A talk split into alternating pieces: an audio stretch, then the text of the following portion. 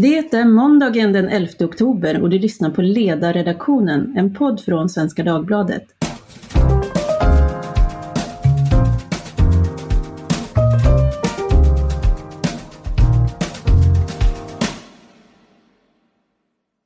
Jag heter Tove Livendal och idag gästas jag av entreprenören, samhällsdebattören och youtubern Henrik Jönsson. Välkommen! Tack så mycket Tove! Du är ju här för att i dagarna kommer du att lansera en bok som heter Frihetligt självförsvar. Vad är det för bok? Det är, jag ser det som en kombination av en lärobok och debattbok egentligen.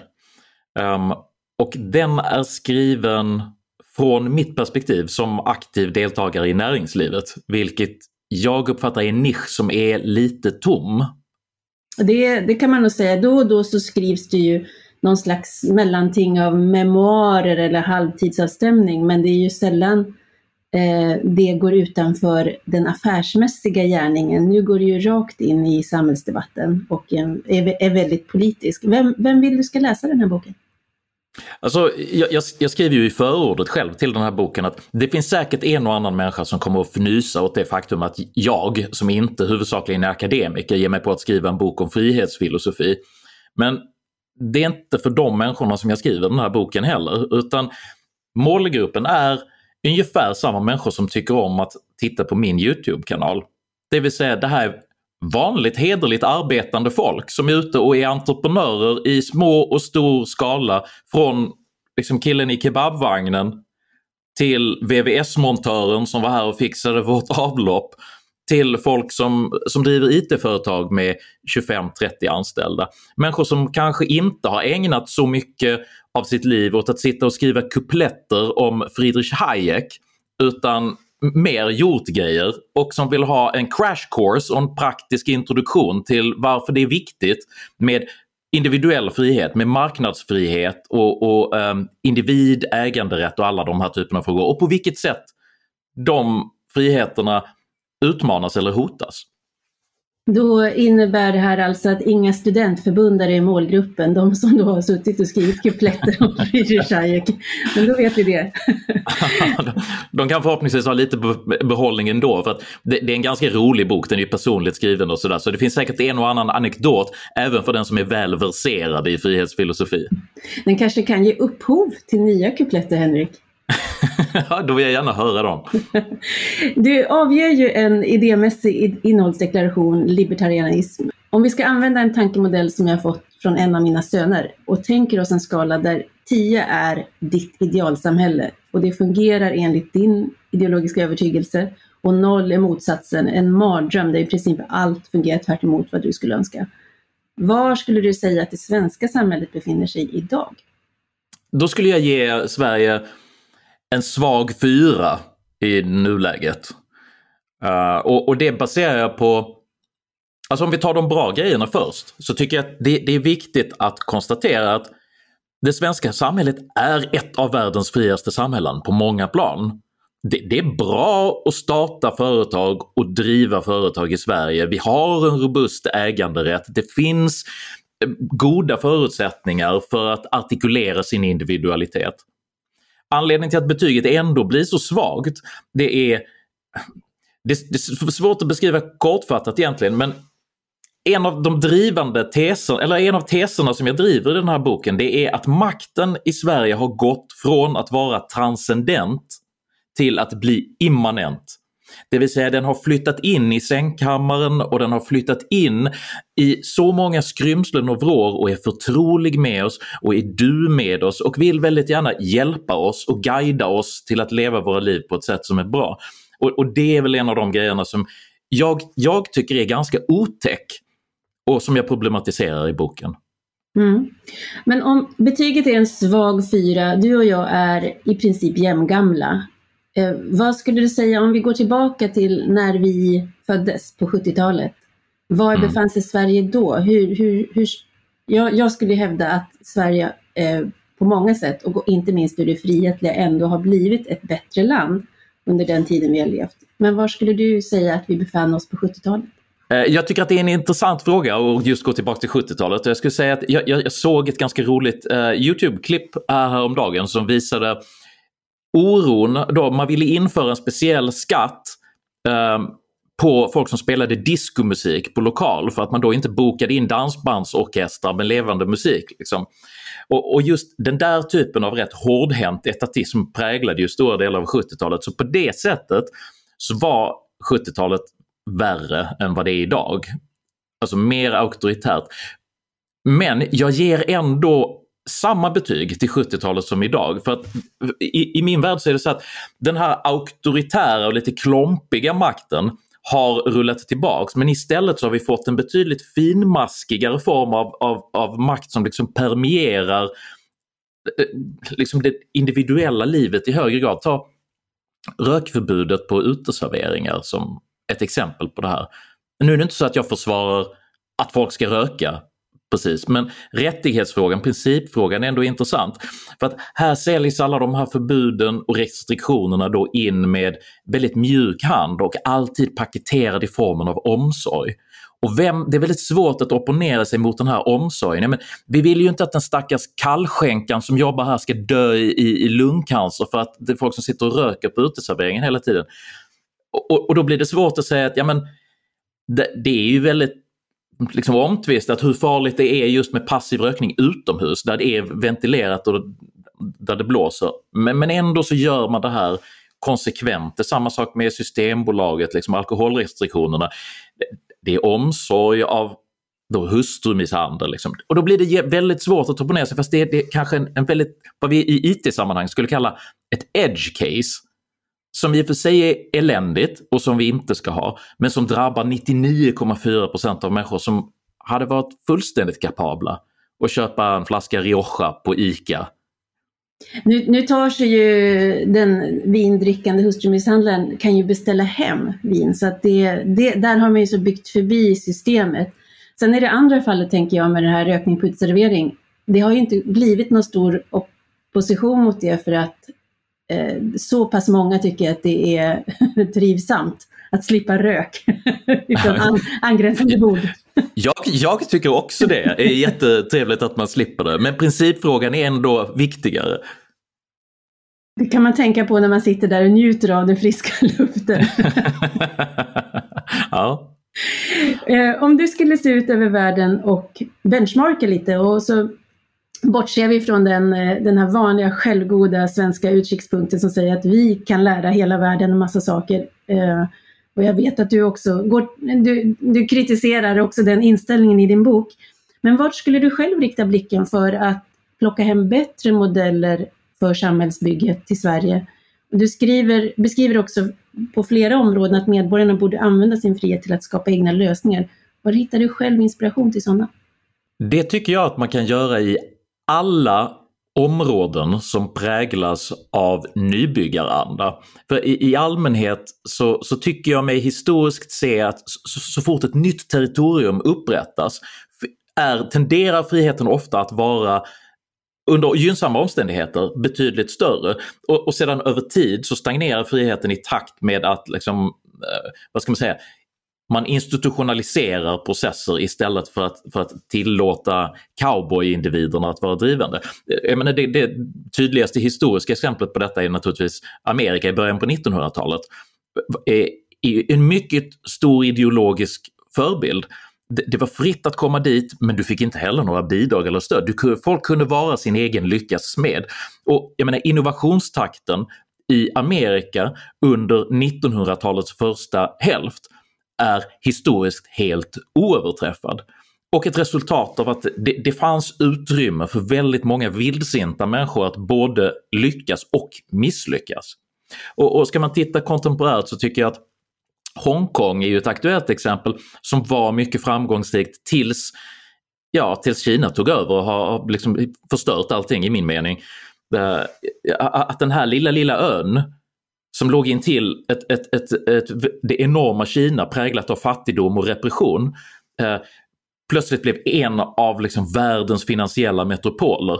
Igen ett uttryck för att eh, äm, där frihet tillåts existera blir värdeutvecklingen och välståndsökningen i allmänhet explosionsartad. Eh, ett mer aktuellt exempel är kanske Dubai till exempel. Där man eh, under och det håller på att ändras där också, det är ju ett exempel på den här institutionaliseringen. Men där man då satte väldigt låga skatter till exempel. Men man å andra sidan måste finansiera sin egen vård och den typen av grejer. Eh, då, då, då, får du också en explosion av tillväxt och, och även innovation och byggnad, man hittar på massa nya grejer.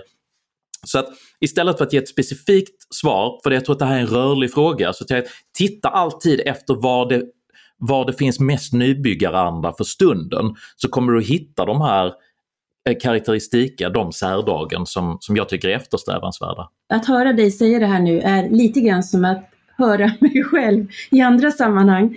Jag är så förtjust i den här eh, metaforen som faktiskt Maud Olofsson en gång myntade, eh, som handlar om att Sverige skulle vara ett nybyggarland.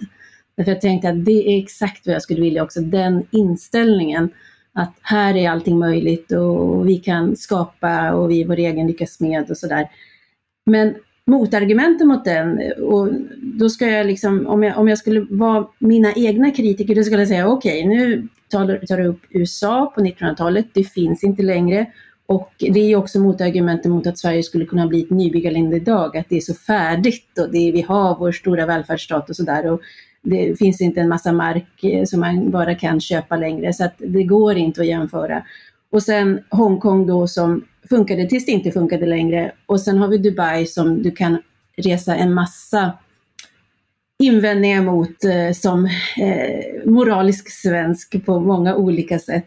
Mm. Och då blir ju då slutsatsen för kritikerna att din idé om ditt idealsamhälle, det går inte att uppnå. Det finns inte. Det där vill jag bemöta då med, med orden. Jag tror att friheten är eh, dynamisk och inte statisk. Jag tror att det är någonting som man ständigt måste återvinna. Eh, för att friheten går under så fort folk slutar att aktivt försvara den och ta den för given. Men, men det leder också till att det går inte heller att undertrycka den frihetliga impulsen helt och hållet. Utan jag, jag, jag, ser, jag tänker på det där ibland som du vet sådana här ballongdjur sådana där där man, där man kan vrida till och klämma. Liksom, klämmer du i ena änden för att blockera friheten så, boop, så bubblar all friheten upp någon annanstans.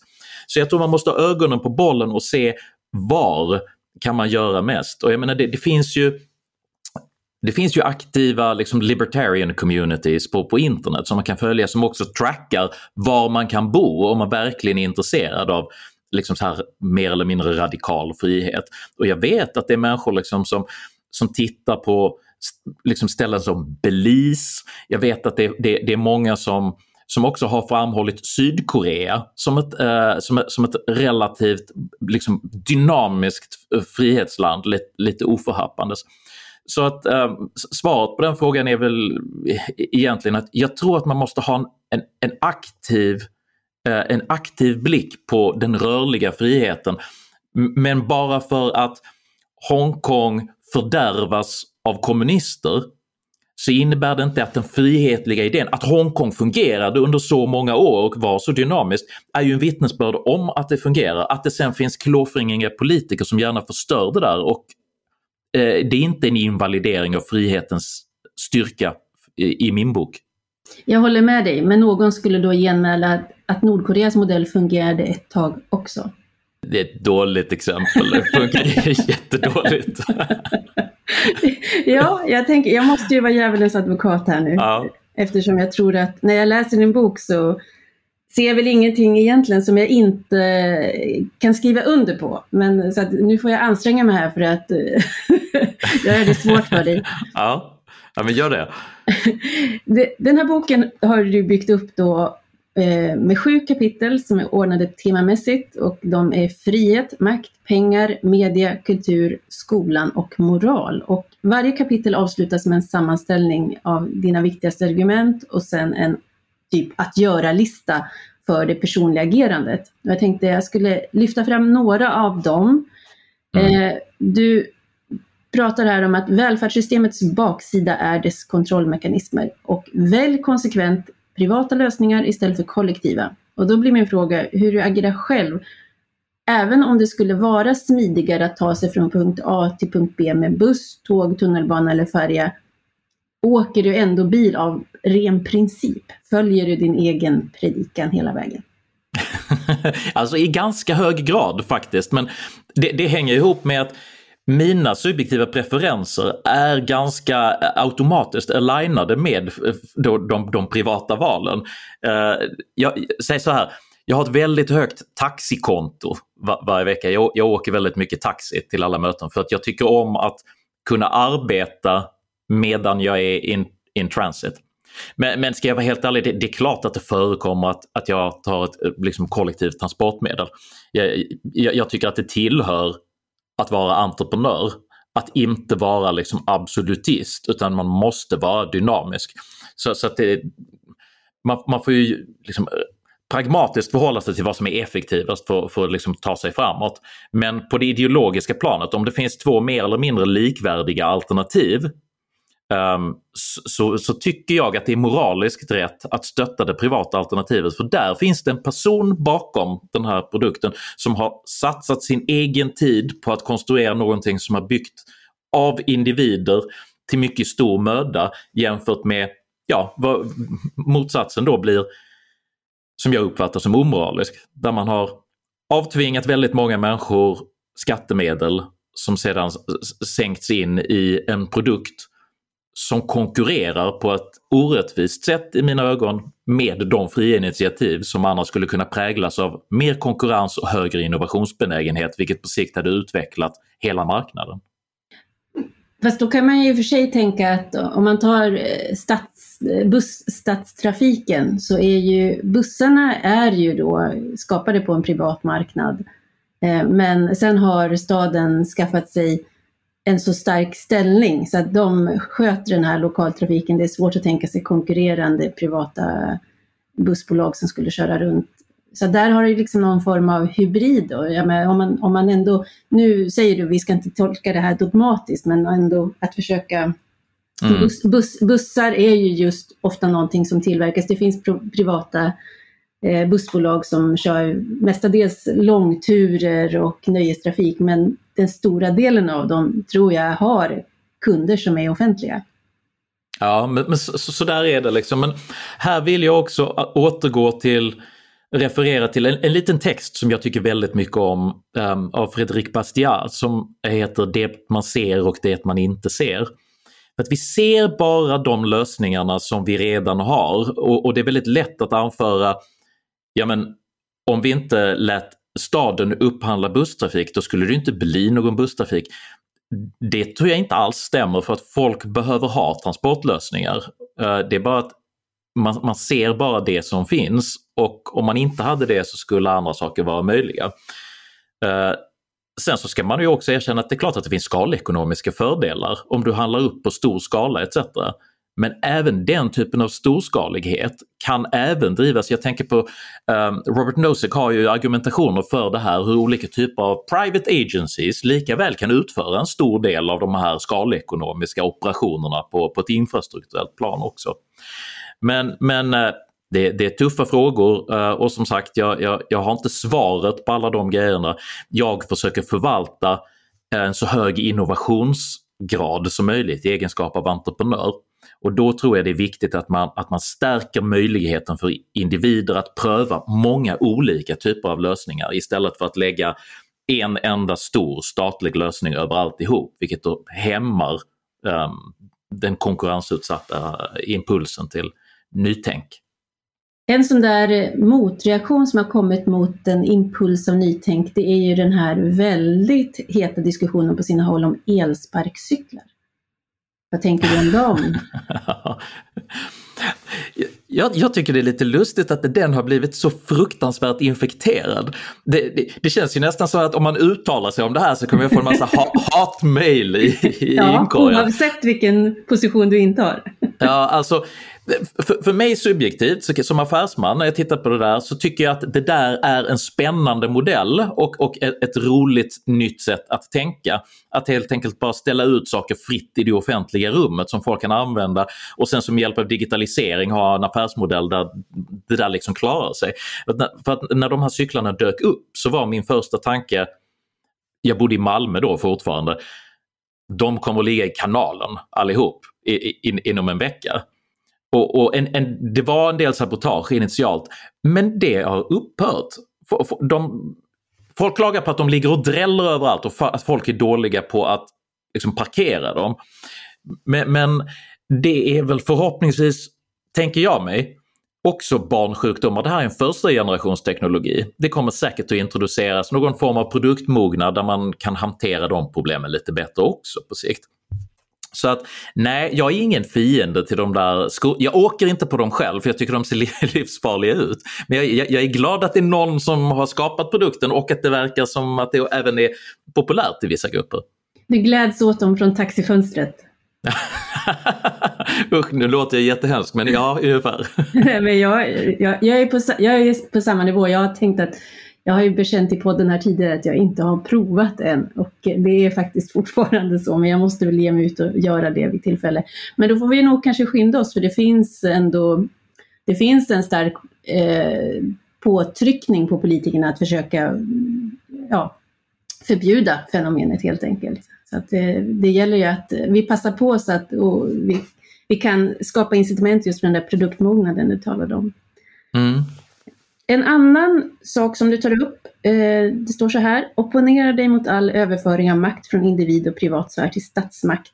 Eh, hur då, tänker jag, och eh, hur ska den oppositionen se ut?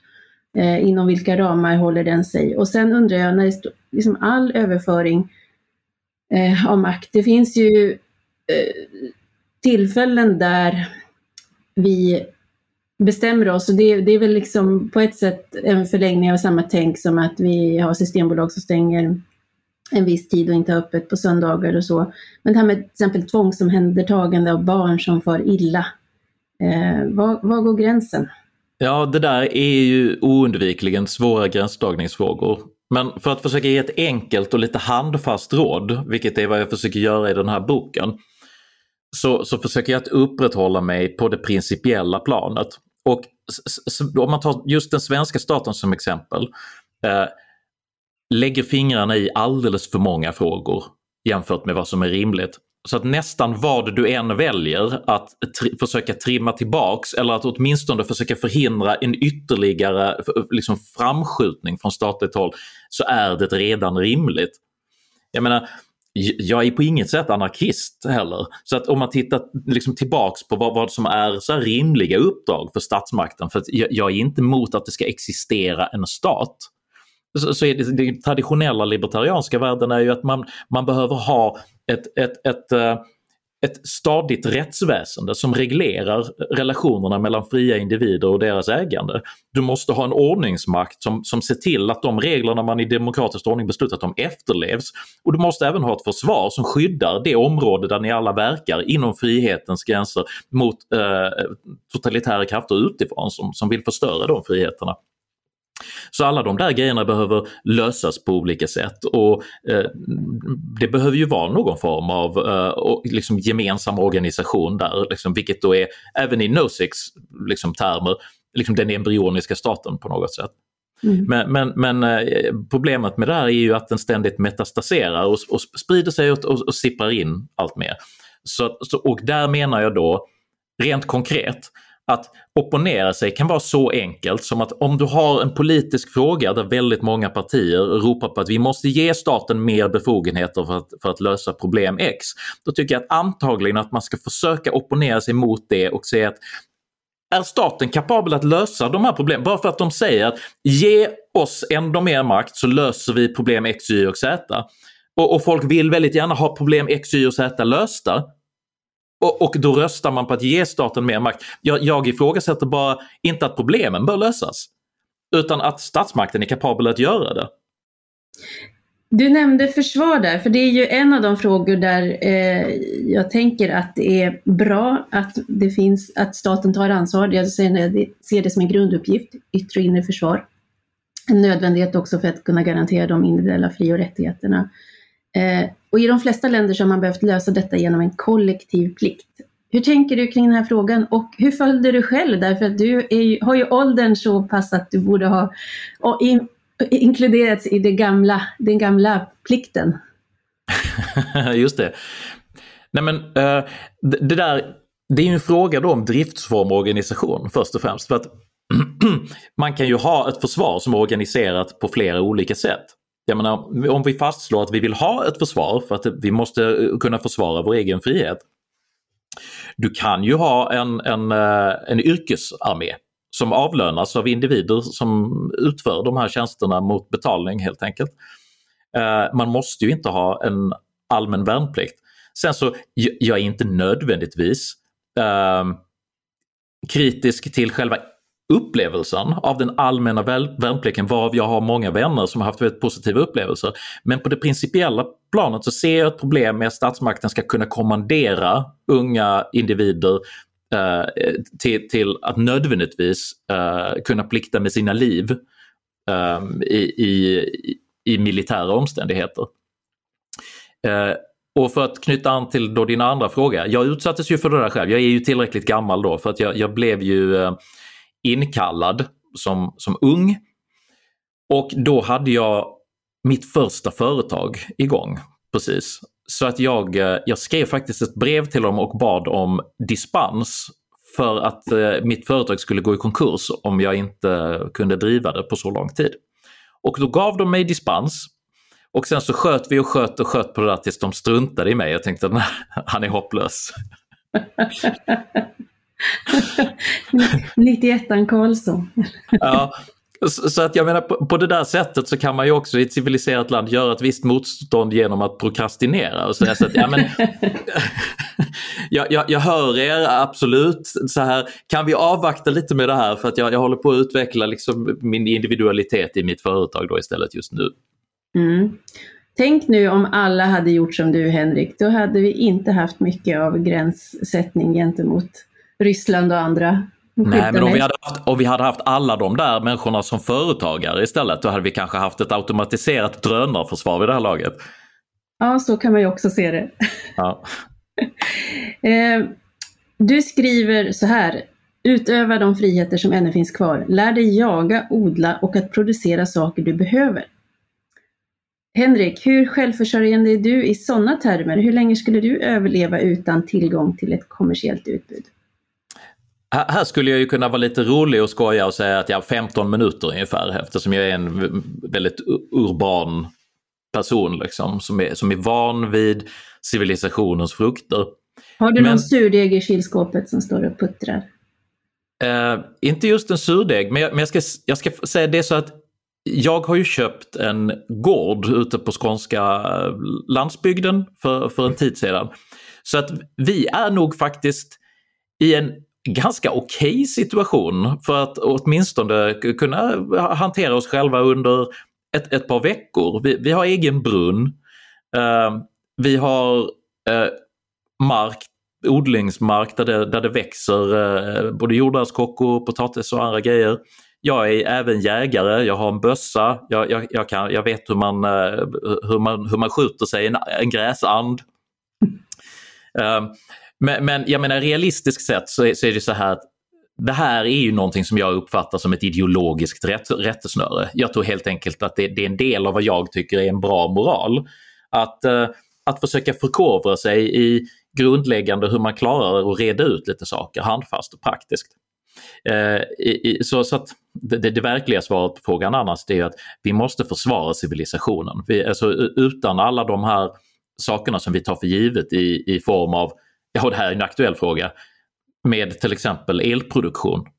Uh, att vi har liksom aktiva satelliter igång hela tiden som gör att vi kan ha trådlös internetkommunikation som, som du och jag har nu när vi sitter och har det här samtalet. Allt det är naturligtvis alltså praktiskt taget omätliga värden som endast fungerar på grund av att vi har ett samhälle där människor är kapabla till mycket avancerade samarbetsformer. Men där, därmed sagt så är det inget fel på att ta på sig ett par stövlar ibland och, och, och ge sig ut och jaga och lära sig hur man sköter om sin bössa eller kunna eh, plocka upp lite potatis i sitt, sitt, eget land. Det tycker jag är mycket bra att, att eh, folk kan ägna sig åt också om de vill. Om de vill. Och sen, jag, jag brukar tänka att eh, jag, menar, jag äter gärna kött men eh, jag är nog inte beredd att jaga själv. Jag däremot är jag väldigt, tycker jag är rätt duktig på att fiska och ta hand om fisk. Men, eh, så att jag är väldigt glad över att det finns andra som kan göra det. Och jag tänker att den dagen det inte finns någon annan som är villig att göra det mot betalning, då får jag avstå. Mm. Eller så kan du och jag samarbeta så att jag, tycker det är så tråkigt att fiska så du kan bjuda mig på fisk så, så, så fixar jag andkött till dig. Ja, mycket bra. Då har vi en, en, en deal i händelse av. ja.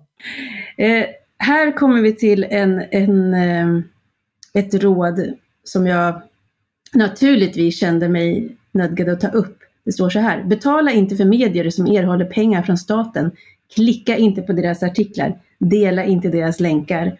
Och nu är det faktiskt så att den här podden är en del av ett tidningshus som mottar pressstöd. Så hur ska vi nu göra Henrik när vi ska puffa för den här podden? Det kommer ju ändå kräva att folk klickar på länken.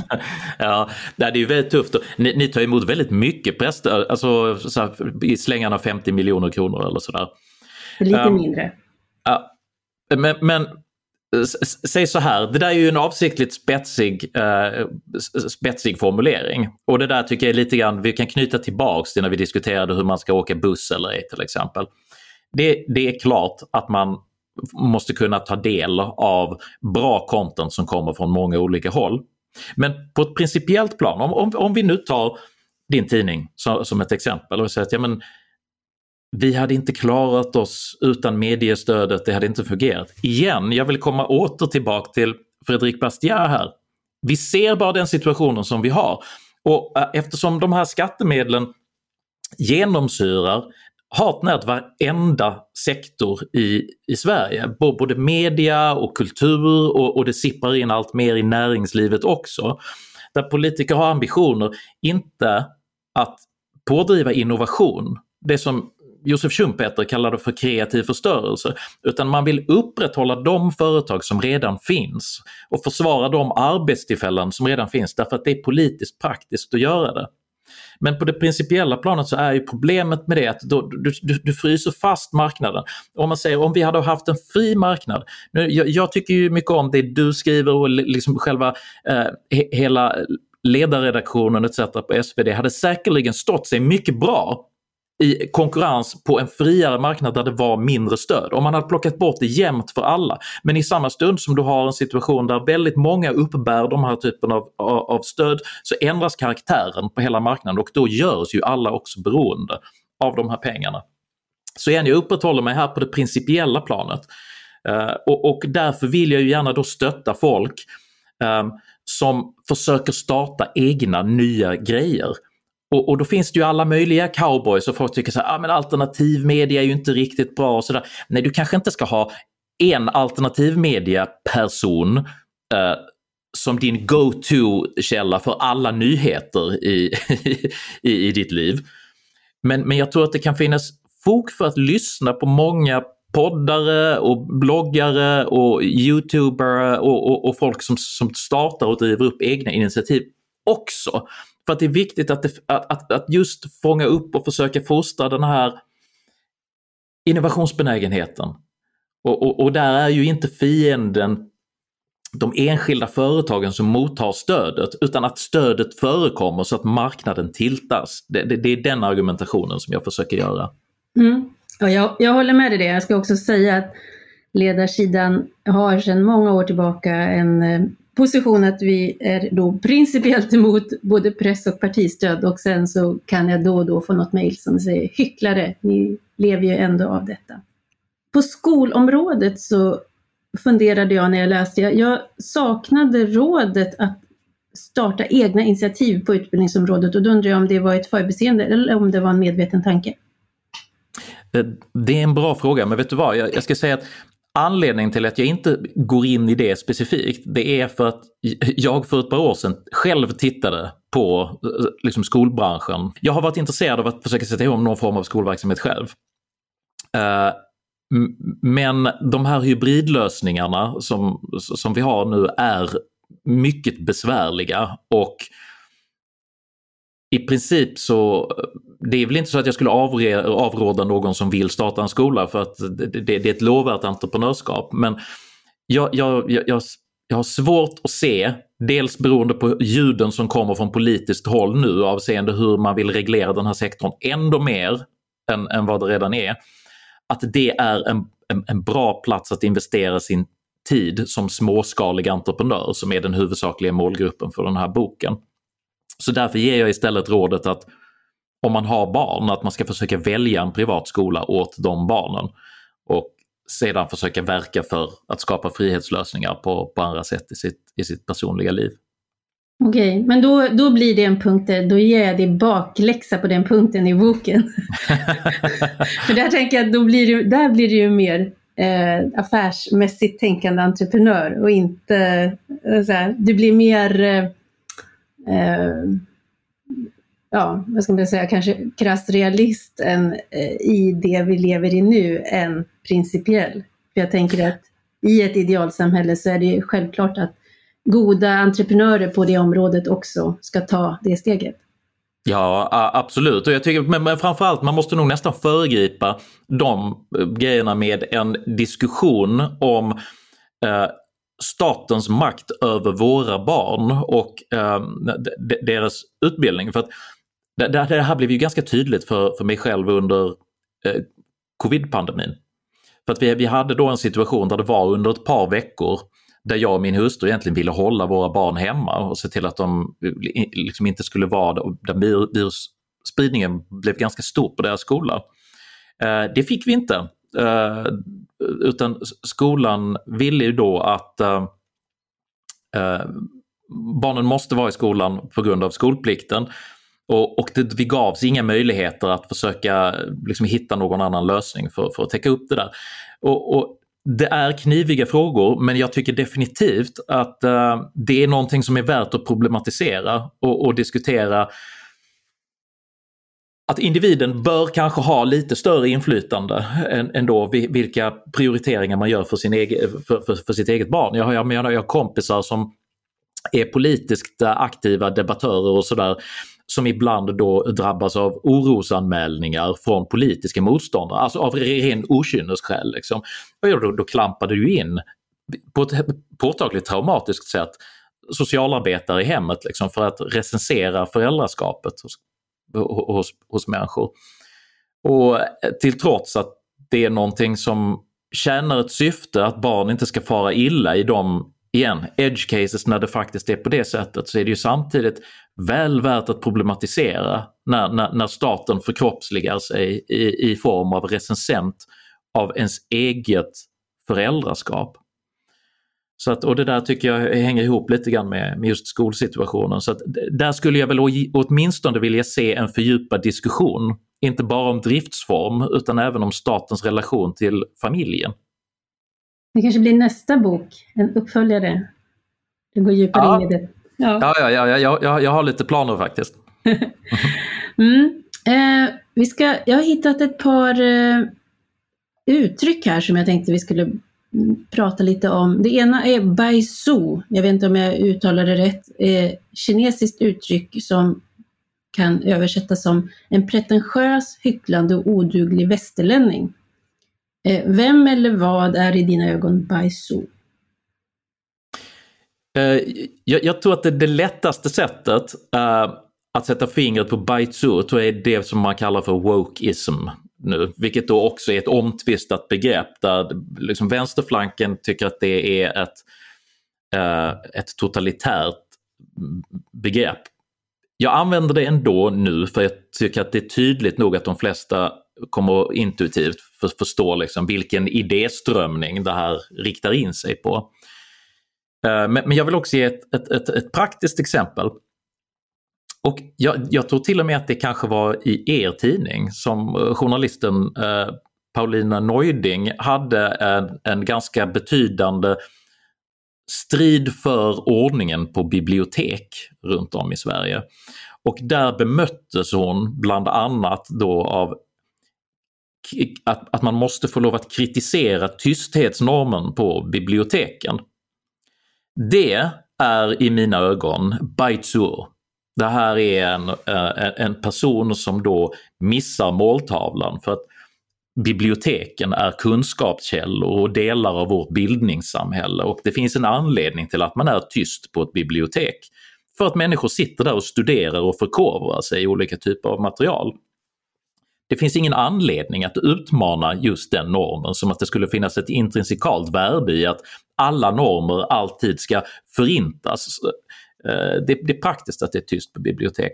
Och, och där skjuter man sig själv i foten då på ett konkret sätt genom att man försvårar förkovran och bildning i vårt land.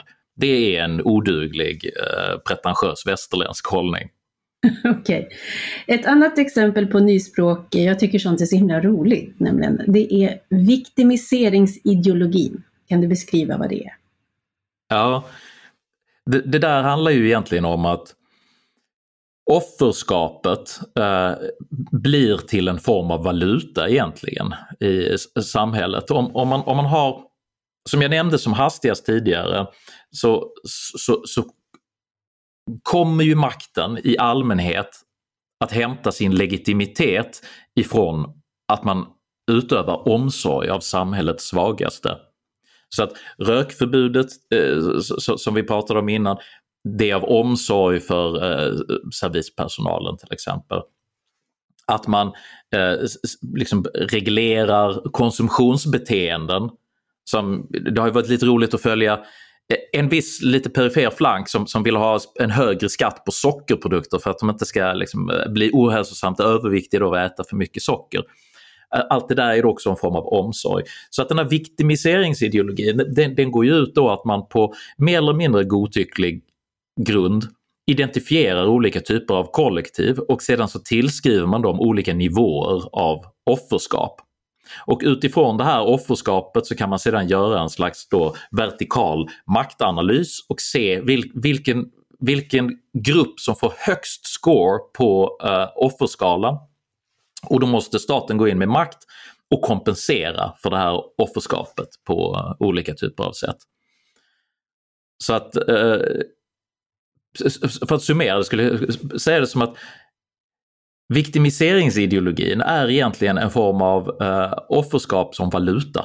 Och det ser vi ju faktiskt väldigt tydligt exempel på också hur den tänker jag, publika debatten eh, mer och mer har kommit att utvecklas när det är offerskapet som i alla möjliga sammanhang får mest genomslag, eller får väldigt mycket genomslag i alla fall. Du skrev en väldigt rolig text om det här för ett par år sedan. Den, den kanske vi kan länka någonstans i anslutning till det här. Eh, jag, jag citerar den antagligen helt fel nu, men, men du tittade just på det här då vad olika typer av etnisk bakgrund skulle ha för liksom ideologiskt värde när du ska ha en perfekt eh, mix i till exempel ett styrelserum.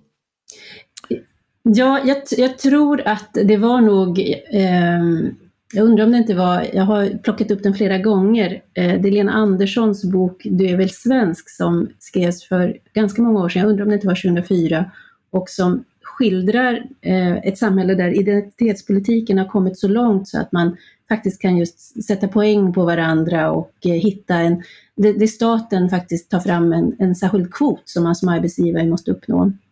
Och det slog mig nu när du satt och pratade om detta med viktimiseringsideologin så tänkte jag faktiskt nu att han borde göra som Lena, han borde skriva en roman som tar den här eh, tendensen hela vägen så vi får se hur den ter sig. Så det är ett, ett skrivtips. Det är en jättekul idé. Och, eh, om, jag minns att i den här texten som jag läste av dig, där, där var du landade i slutsatsen att Ja men går det typ 13 danskar på en person från eh, Mellanöstern? Eller ja men just det, det var, man, det var, och det är direkt ifrån Lenas bok, att om man anställer en sik då motsvarar det väldigt många andra. den, den, den har så stort eh, annorlunda skap. Så att, ja. ja. ja. och det är ju det är så roligt, fast det är ändå inte roligt eftersom vi nu har även publika arbetsgivare som ägnar sig åt att kartlägga etnisk mångfald och faktiskt sitter och ritar i, i kolumner över hur folk, eh, ja, att det är på det sättet vi ska mäta människor. Så att den här satiren har ju tyvärr blivit mer verklighet än verklighetsfrånvänd. Det där uttrycktes ju eh, på, på ett ganska otäckt sätt i eh, det här uppropet som de hade på Sveriges Radio för, eh, vad är det nu, ett, ett och ett halvt år sedan, någonting i den stilen, i samband med uh, Black Lives Matter-rörelsen. Och där det var um, en grupp journalister då som krävde en, en, en finmaskig inventering av um, ras bland de anställda. Uh, och, och, och, även om det där kommer från ett behjärtansvärt håll, att man önskar ha en inkluderande arbetsplats, så är ju själva ansatsen i, liksom i sig själv totalitär så tillvida att det, det kräver ju en rasbiologisk liksom, profilering av alla medarbetare. Så där, där slår det över för mig helt och hållet och liksom att man faktiskt blir en direkt fiende till hela upplysningstraditionen genom att reducera människor till liksom, biologisk genetik istället mm. för liksom, kompetensmässig prestation. Mm. Eh, oj, oj, tiden går här. Eh, jag hade många fler frågor, men en fråga som jag har, det är ju, den het, boken heter ju Frihetligt självförsvar.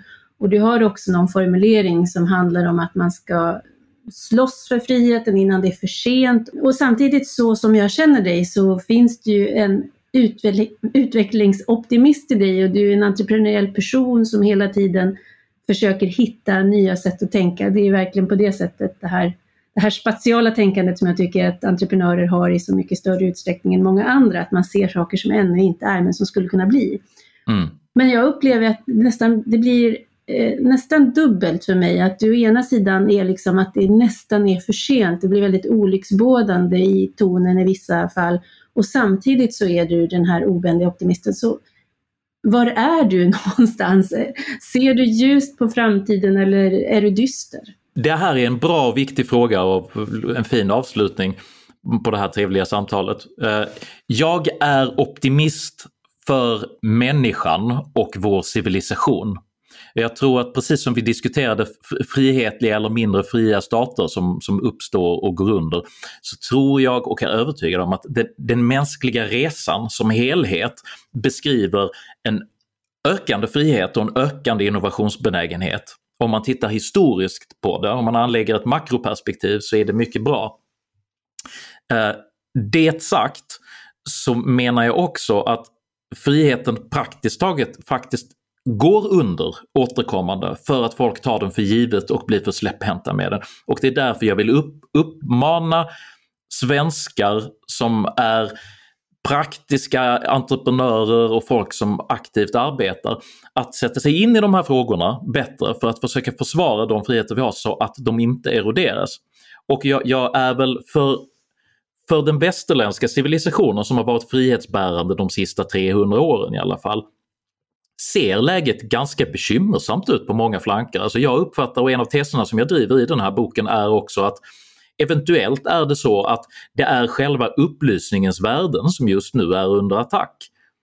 Därför att vi ser en, en framflyttning av liksom de etatistiska befogenheterna som sker i allt högre grad på moralisk grund, där, där man ersätter det som har varit upplysningstidens liksom honnörsord som har handlat om individualitet äganderätt, liksom humanistiska värden, kompetens, meritokrati, rationalitet och, och istället talar om kanske primärt vad, vad dina moraliska kvaliteter eh, där man arbetar med skam, flygskam, olika typer av eh, självflagellering som att jag offrar det här och det här, jag, jag, förbrukar mindre och den typen av saker istället för att diskutera men hur kan vi konsumera smartare men, men samtidigt utveckla det. Hur kan vi förbättra flyget, inte att sluta flyga. Liksom.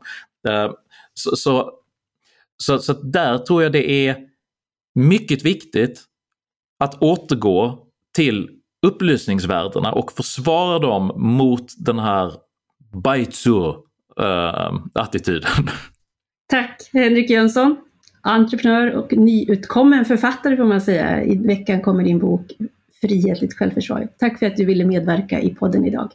Tack så mycket Tove. Tack också till er som har lyssnat. För frågor eller tips hör ni av er till ledarsidan svd.se och producent var idag som vanligt Jesper Sandström. Tack och på återhörande.